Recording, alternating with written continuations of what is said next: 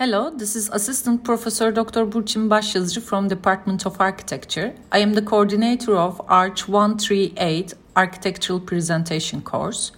The course aims to give students the knowledge and the understanding of tools of representation of architectural projects such as schemes, diagrams, technical drawings, model as an integral part of the design process.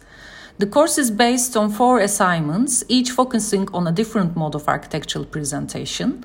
The first assignment contains diagram, concepts, and conceptual model.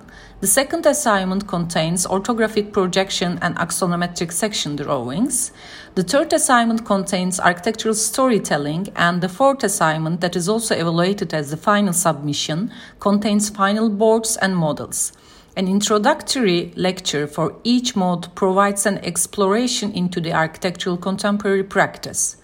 Evaluations are based on three interim submissions of the assignments and the final submission.